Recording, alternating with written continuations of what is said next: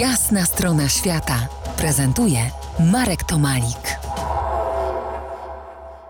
Na koniec moich dzisiejszych podróży z nurtem nurtujących rzek, rzeka niezwykła, bo efemeryczna, w dalekiej, ale dla mnie bliskiej Australii.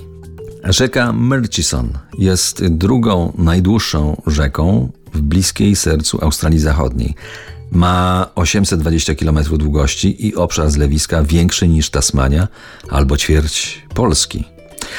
Na tyle mnie zaciekawiła, że obserwowałem jej nurt lub brak tego nurtu w kilku, a może nawet kilkunastu miejscach.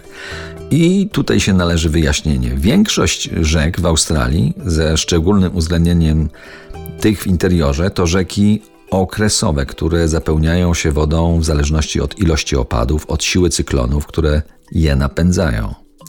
Są rzeki jak na przykład Strzelecki Creek, które zapełniają się raz na 30 lat. Murchison wkręciła mnie tą swoją nieciągłością. To rzeka jak funkcja nieciągła. Nawet jak jest w niej woda, to efemerycznie. Tu jest, a kilometr dalej wody nie ma. I znowu jest, i znowu jej nie ma. Rzeka pojawia się i znika. Murchison nie ma dość wody, płynie sobie przez suche równiny, wzgórza, słone jeziora i wąwozy z wieloma dopływami tworzącymi ten ogromny obszar zlewiska. Obfite opady deszczu spowodowane ruchem rozkręcających się cyklonów tropikalnych od grudnia po marzec mogą często spowodować, że wody powodziowe docierają do Kalbari nawet w trzy tygodnie później, a Kalbari to ujście właśnie rzeki Murchison. Podczas ekstremalnych powodzi można zobaczyć, jak błotnista brązowa woda wpada do oceanu, tworząc wyraźny kontrast między, między niebieską a brązową wodą. Te wody powodziowe niosą niesamowity zestaw składników odżywczych, które odżywiają i odbudowują system rzeczny. W ciągu miesiąca rzeka znów potrafi tętnić życiem.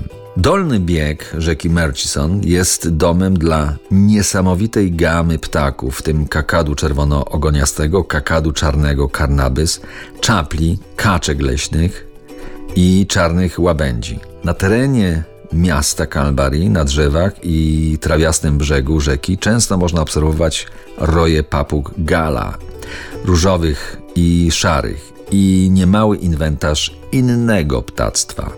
Na zakończenie wspomnę jeszcze moją targaniczankę, górską rzekę w Beskidzie Małym, którą słyszę codziennie, a szczególnie po obfitych deszczach. Jej naturalny szum naprawdę koi i z wieczora, i z rana. I za Bukowiną nucę tak. O dobra rzeko, o mądra wodo, wiedziałaś, gdzie stopy znużone prowadzić, gdy sił już było brak, brak. To była jasna strona świata w RMF Classic.